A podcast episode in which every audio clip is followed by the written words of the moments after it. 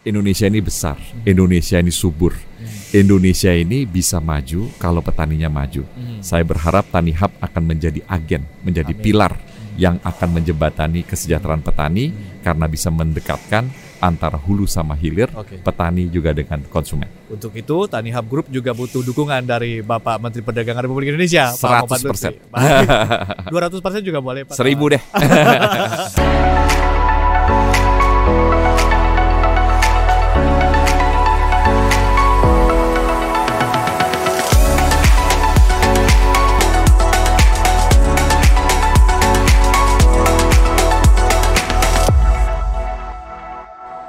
apa kabar semua? Kembali bergabung bersama kami di podcast atau video podcast Tani Talks by Tani Hub Group.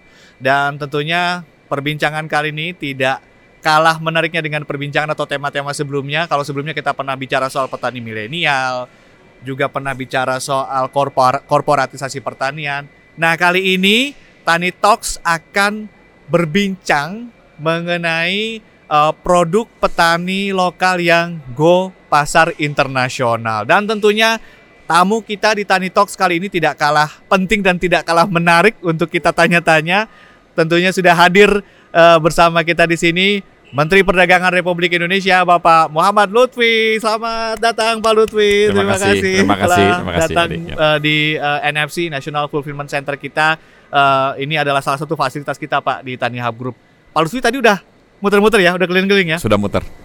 Komen dong Pak tentang NFC. Saya terus terang saja merasa bangga sekali ya karena saya kan eh, melihat eh, fasilitas seperti begini terakhir itu di eh, Yakima, Washington. Wow. Jadi itu adalah tempat petik eh, buah apel Hmm. yang mensuplai eh, sebagian apel dunia. Hmm. Dan di situ dilihat bagaimana cara memetiknya, freezernya, Hmm. dijaga di kompra- eh, temperatur control. Hmm. Kemudian saya juga melihat bagaimana eh, mereka punya sustainability daripada barang-barangnya gitu loh. Jadi saya merasa bahwa ini kelasnya kelas dunia dan saya ikut bangga Wow. melihat NFC ini. Jadi setelah yang pertama melihat di eh, United States, setelah itu melihat yang di Ya. Tani Hub Group di Indonesia ya. Jadi waktu itu kan tugas di Amerika. Ya, betul. jadi kita mau lihat tentang bagaimana mereka memetik memetik dan menjaga distribusi apel. Hmm. Nah, ini kan fresh produce seperti NFC ini. Hmm. Nah, jadi saya melihat bagaimana uh,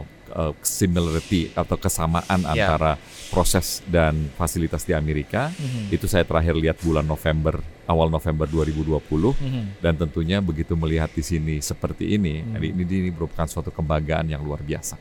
Oke. Dan karena begitu saya yakin nih Indonesia akan maju. Oke. Ini eh, akan jadi warehouse 4.0 loh Pak Pak Menteri. Ya, makanya jadi ini kan satu ini kan 4.0 itu kan adalah uh, mergingnya antara manusia, Mhm. elektronik, IoT Hmm. ketemu jadi satu. Dan Mhm. yang paling penting dari semuanya ini adalah traceability daripada barang-barangnya supaya ketahuan dari mana asalnya dan ini akan menjadi kunci daripada sustainable daripada logistik di masa yang akan datang. Oke, Eh, Pak Lutfi kalau kita bicara soal e-commerce nih atau eh, perdagangan melalui eh, digital gitu ya, digital platform, ini ternyata selain digitalisasi yang memang mengakselerasi, tapi juga ternyata pandemi malah membuat orang membuat eh, e-commerce sangat booming, termasuk di Tani Hub eh, grup kita eh, e-commerce kita juga booming. Ini tren tren e-commerce akan seperti apa sih, eh, Pak Lutfi? Ya, depan? kalau saya rasa memang ini sesuatu keniscayaan ya, Hmm. karena kita uh, mempunyai lebih dari 17.000 pulau. Mhm. Kita punya 270 juta rakyat Indonesia. Nah, jadi kalau saya boleh mundur sedikit tentang Indonesia ini. Ya. Jadi Indonesia ini selalu saya bilang adalah negara yang sedang bergegas. bergegas. Negara yang sedang keburu-buru. Kenapa dia keburu-buru? Jadi keburu-burunya itu begini. Kita ini datang dari satu deadline, dari Hmm. satu batas ke batas yang lain. Jadi saya cerita tadi bahwa Indonesia ini tahun 98 udah lahir belum? Ya Udah dong. Saya kolonial loh Pak.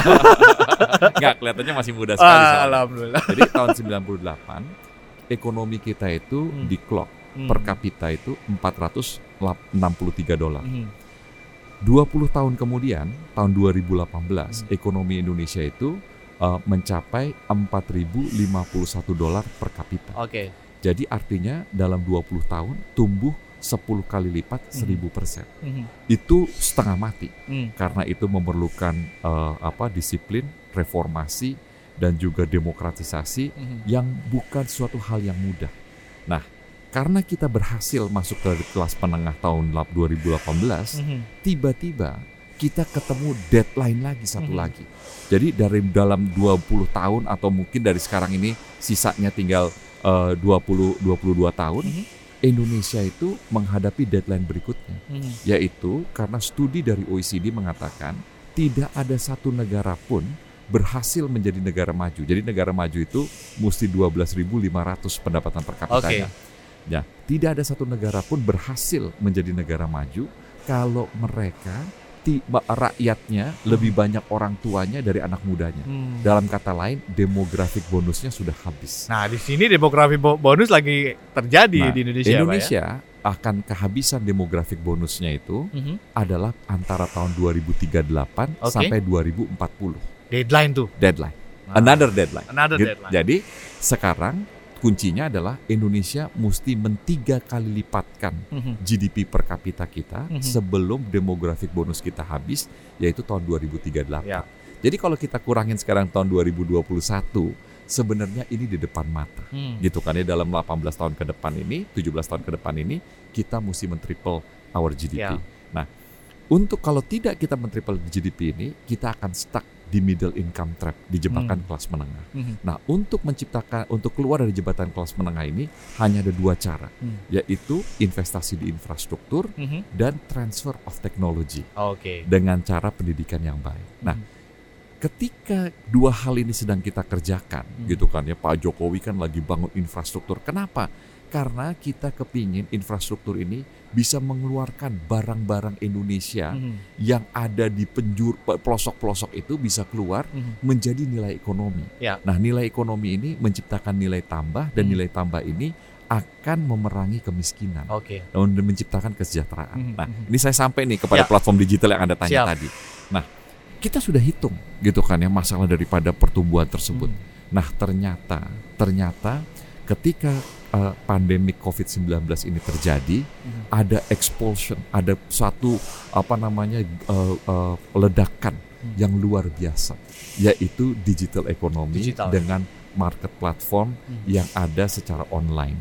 Nah, ini tumbuhnya kalau kita lihat dari tahun ke tahun itu tidak 100, tidak 200, tidak tidak 300 persen. Mhm. Tapi Goldman Sachs mengatakan 300 paket yang tambah-tambah ini ada 381 persen Wow. pertumbuhannya. Mhm. Bahkan ada yang mengatakan bahwa naiknya itu hampir tujuh kali lipat, tergantung bagaimana melihatnya. Hmm. Apa pun angkanya, kita bawa tahu bahwa eh, digital online trading ini, platform ini Mhm. di Indonesia ini tumbuh subur Ya. dan mendekatkan penjual pembeli gitu kan ya. Mhm. Dan sekarang ini karena ada Tanihub, penjual pembeli dan petani. Oke. Dan ini menjadi suatu eh, apa namanya satu lingkaran Mhm. yang akan menciptakan nilai tambah dan saya yakin Indonesia akan menjadi maju karena Oke. platform digital ini tiba-tiba Mhm. menjadi infrastruktur baru Mhm. untuk Indonesia tumbuh menjadi negara maju Oke. gitu. Pak Lutfi, ini soal value added tadi eh, Pak Lutfi sempat singgung. Secara keseluruhan nih Pak, e-commerce yang sedang bertumbuh pesat di Indonesia ini apakah memang sudah memberikan added value kepada perekonomian Indonesia, khususnya petani dan UMKM gitu. Kita bicara general dulu nih Ya. Pak. Kalau UMKM Sudah belum sih Pak? kalau saya lihat UMKM, saya sederhana gitu ya. Saya pernah baca satu artikel di majalah ekonomi Mhm. cerita tentang bagaimana ada platform digital, saya nggak sebutin namanya deh gitu ya. Mhm. Itu bisa jual martabak Mhm. di sekitar Jakarta Mhm. tahun 2018 itu omsetnya 500 miliar. Mhm. Berapa sih tukang martabak di sekitar Jakarta? Mhm. Ya kan? Kalau misalnya ada seribu aja, Mhm. berarti kan pendapatan mereka 500 juta. Oke. Udah pasti lebih gede daripada gaji menteri itu. Gitu loh. Gitu ya Udah Pak. pasti. Kalau 500 juta, kan cost of goods sold-nya misalnya 200 per 200 juta, Ya. 300 juta dibagi dibagi dua, eh, dibagi 12, Hmm. itu gaji menteri cuma 19 juta. Oke. Gitu loh ini. Oke. Jadi ini adalah suatu nilai tambah. Hmm. Artinya eh, apa digital ekonomi atau platform digital ini Oke. sudah menciptakan eh, nilai tambah baru bagi perekonomian Indonesia. Baik, Pak Lutfi, kalau kita lihat kan ini eh, agritech Tani Hub ini kan memiliki ekosistem yang sangat-sangat apa namanya so far memang sangat lengkap gitu ya end to end ada pembiayaannya ada tani supply chainnya ada tani supply ada juga tani hub e-commerce-nya nah tadi eh, Pak Lutfi sempat menyebut soal pe- penjual martabak gitu ya apakah dengan ekosistem seperti ini seperti tani hub group ini memungkinkan tiba-tiba ada petani yang sukses mungkin pendapatnya berkali-kali lipat mesejahterakan petani menurut menurut Pak Lutfi gimana nih? Nah, gini, saya terus terang saja begitu melihat Tani Hub ini, Mhm. saya nih impress ya. Mhm. Karena kenapa? Karena saya yakin Tani Hub ini sudah lewat asam garam daripada melakukan kegiatan ekonomi. Kenapa? Jadi gini, masalah daripada pertanian di Indonesia ini, ini kan sebenarnya kearifan lokal. Ya. Dia ini sudah hidup dengan caranya Mhm. sudah beratus tahun, mungkin kalau tidak tidak lebih lama dari itu. Mhm. Nah, jadi eh, salah satu yang paling penting di dalam eh, ekosistem ini Hmm. adalah pendanaan untuk petani. Oke. Jadi pendanaan untuk petani. Jadi kalau orang bilang mempunyai sifat negatif tentang Hmm. misalnya tengkulak atau itu, itu adalah sebenarnya kearifan lokal. Ya. Karena kenapa? Mereka saling membantu, Hmm. gitu kan ya. Jadi yang yang punya uang eh, eh, memberikan pembiayaan, nanti Hmm. perlu buat uang sekolah, buat uang seragam, dibiayain. Hmm. Nah, sekarang ini Tani Hub itu sudah menjadi salah satu kearifan lokal baru. Kenapa? Sekarang sudah ditawarkan oleh Tani Hub karena tadi kan ada financingnya Ya. gitu kan ya.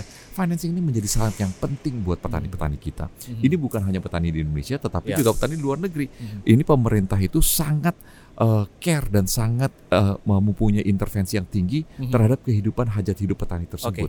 Nah, karena Tani Hub mempunyai eh, daya apa namanya eh, eh, penetrasi baru Mhm. untuk pertanian itu, saya yakin ini akan menjadi kultur baru bagi Indonesia. kultur baru. Ya, nah kultur baru ini adalah industrialisasi. Mhm. Ini menurut saya kan kita mencoba supaya ada namanya food estate. Mhm. Itu industrialisasi dari hulunya. Ya. Tetapi kadang-kadang hilir yang menarik itu Mhm. itu jauh lebih efektif daripada hulu yang mendorong. Oke. Jadi kalau di Amerika contohnya atau di negara-negara maju, Hmm. negara-negara yang punya uang, mereka itu mensubsidi petani itu bukan dari hulu seperti kita kasih bibit, kasih pestisida, Hmm. tetapi dari dari dari hilirnya Oke. dengan harga jual yang baik. Baik. Nah, jadi saya lihat kemarin tadi harga jualnya udah luar biasa. Hmm. Jadi jauh lebih tinggi daripada harga standar. Karena ini saya keluar masuk dari pasar induk, Ya. pasar biasa.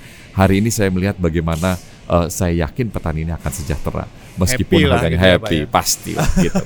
Oke, Pak Lutfi, eh, jadi perlukah saat ini perdagangan komoditas pertanian itu masuk ke platform digital? Gini, pela- masuk ke platform digital itu adalah satu keharusan Hmm. yang tidak bisa kita elakkan karena eh, produk digital ini mendekatkan antara hulu sama hilir. Mhm. penjual sama pembeli, Ya. penjual sama petani, petani sama sama bisnis, Mhm. petani sama konsumen.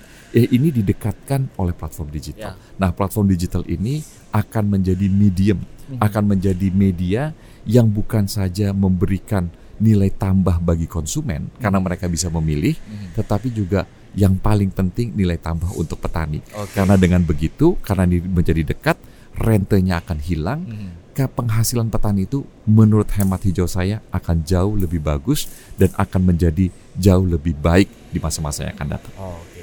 Nih ada satu pertanyaan nih eh, Pak Lutfi. Menarik sih sebetulnya karena saya sempat bicara bincang-bincang dengan beberapa orang gitu ya. Termasuk dengan CEO Tani Hub Group Mas Pamitra Wineka bilang ke saya kalau Pak Lutfi itu adalah seorang pemimpin yang visioner tapi sekaligus eksekutor yang gesit. Nah, dengan saat ini menjadi Menteri Perdagangan, apakah Bapak punya rencana dalam eh, kebijakan perdagangan untuk kemudian mengatur khusus komoditas pertanian dan juga digitalisasi ini untuk Nah. untuk eh, perdagangan?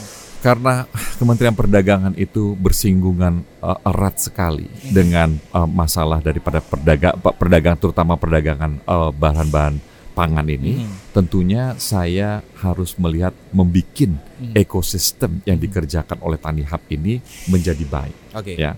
Yang kedua, saya berkeyakinan Mhm. karena transparansi daripada harga yang dikasih oleh platform digital itu akan memberikan nilai tambah dari hulu sampai hilir. Stabilitas harga nih. Sta- Dengan begitu Hmm. stabilitas harga akan terjadi Hmm. atau kesinambungan harga Ya. akan terjadi. Dan yang paling penting, petani mendapatkan harga terbaik daripada produksinya Mhm. dan per- konsumen akan mendapatkan harga terbaik Hmm. daripada apa yang dibelinya. Jadi ini merupakan suatu yang saya akan jaga, Mhm. saya akan urus dan kalau uh, mungkin teman-teman sudah dengar gitu kan ya bahwa saya ini akan mengintervensi daripada akan membuat aturan Mhm. daripada platform digital ini untuk bisa menciptakan suatu perdagangan yang adil Mhm. dan perdagangan yang bermanfaat. Hmm. Saya berkeyakinan platform digital yang di, uh, dikembangkan oleh Tani Hub ini akan menjadi pilar daripada bukan hanya bagi kesejahteraan petani, Oke. tetapi sebagai medium untuk Indonesia menjual di pasar ekspor. Oke. Jadi Pak, kalau kita lihat kan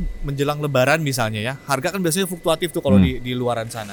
Tapi kan kalau dengan platform digital ini kan harga relatif lebih bisa kompetitif karena memang kita jaga dari hulu, hulu hingga hilir. Ini ini gimana Pak? Membantu dalam stabilisasi Ini harga dong kan? Pak? saya Sebetulnya. sangat saya sangat mendukung karena ini bukan hanya membantu per Kementerian Pertanian, Kementerian Perdagangannya, Iya, iya. tetapi semuanya. Oke. Jadi ini ekosistemnya yang dijaga. Hmm. Jadi ini saya karena ini satu bagian yang kita mesti kerjakan. Ya. Nah, saya saya katakan selalu bahwa kita harus jaga yang di domestiknya Hmm. gitu tanpa mengurangi eh, apa floodgate daripada ekonomi kompetitif di seluruh dunia. Mhm. Tetapi saya yakin eh, ini Indonesia ini mempunyai tanggung jawab karena kalau kita lihat studinya Mhm. di ASEAN itu yang bisa mem- menghasilkan pertanian terbesar itu hanya dua negara, Oke. yaitu Myanmar dan Indonesia. Baik. Jadi saya bilang sama Eka tadi bahwa tugas daripada Tani Hub itu Hmm. bukan hanya memfit orang Indonesia, tetapi menjadi platform supaya orang Indonesia, buah Indonesia Hmm. bisa juga menguasai pasar regional bahkan mendunia. Jadi akan disupport nih Pak, oh, ko- apa platform digital Tani Hub Group untuk melakukan ekspor ke luar. Mungkin akan dibukakan channel-channelnya nih Oh Pak. pasti dong, itu tugas dan tanggung jawab Serius saya. nih Pak. kita Pasti. catat, nih, kita catat nih Pak. Pasti dicatat. Iya.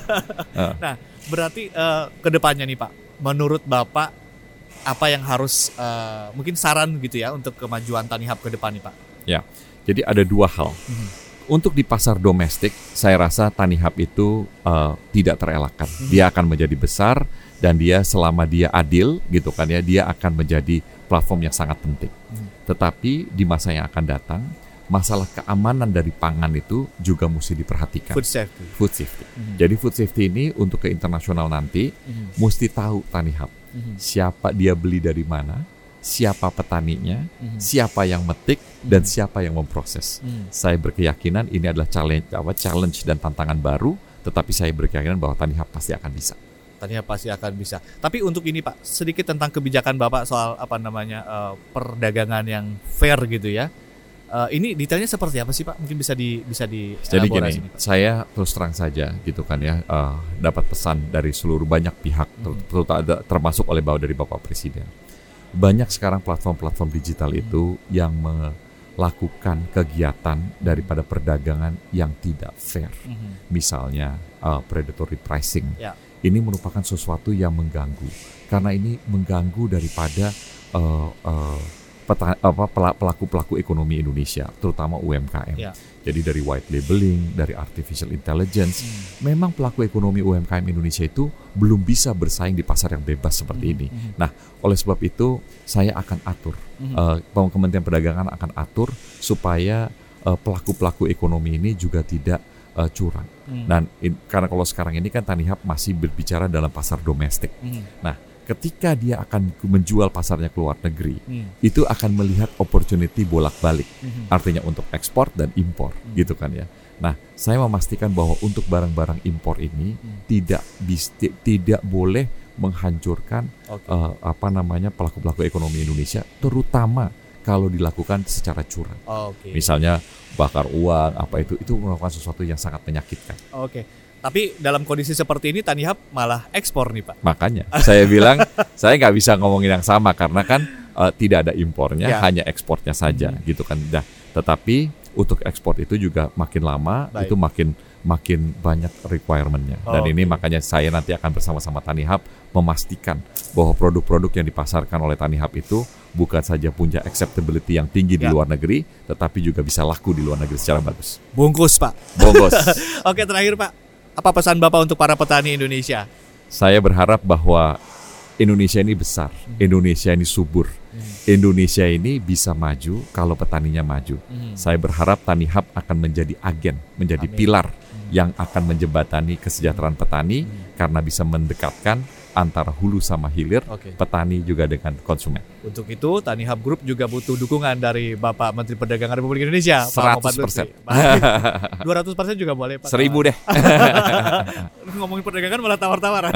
Terima kasih Pak Muhammad. Lutfi telah bergabung bersama kami menjadi tamu yang sangat inspiratif di Tani Talks pada episode kali ini. Demikian tadi bincang-bincang kita di Tani Talks eh, bicara soal perdagangan khususnya komoditas pertanian sekaligus juga melepas komoditas eh, ekspor komoditas pertanian dari Tani Hub Group ke sejumlah negara. Terima kasih dan sampai jumpa.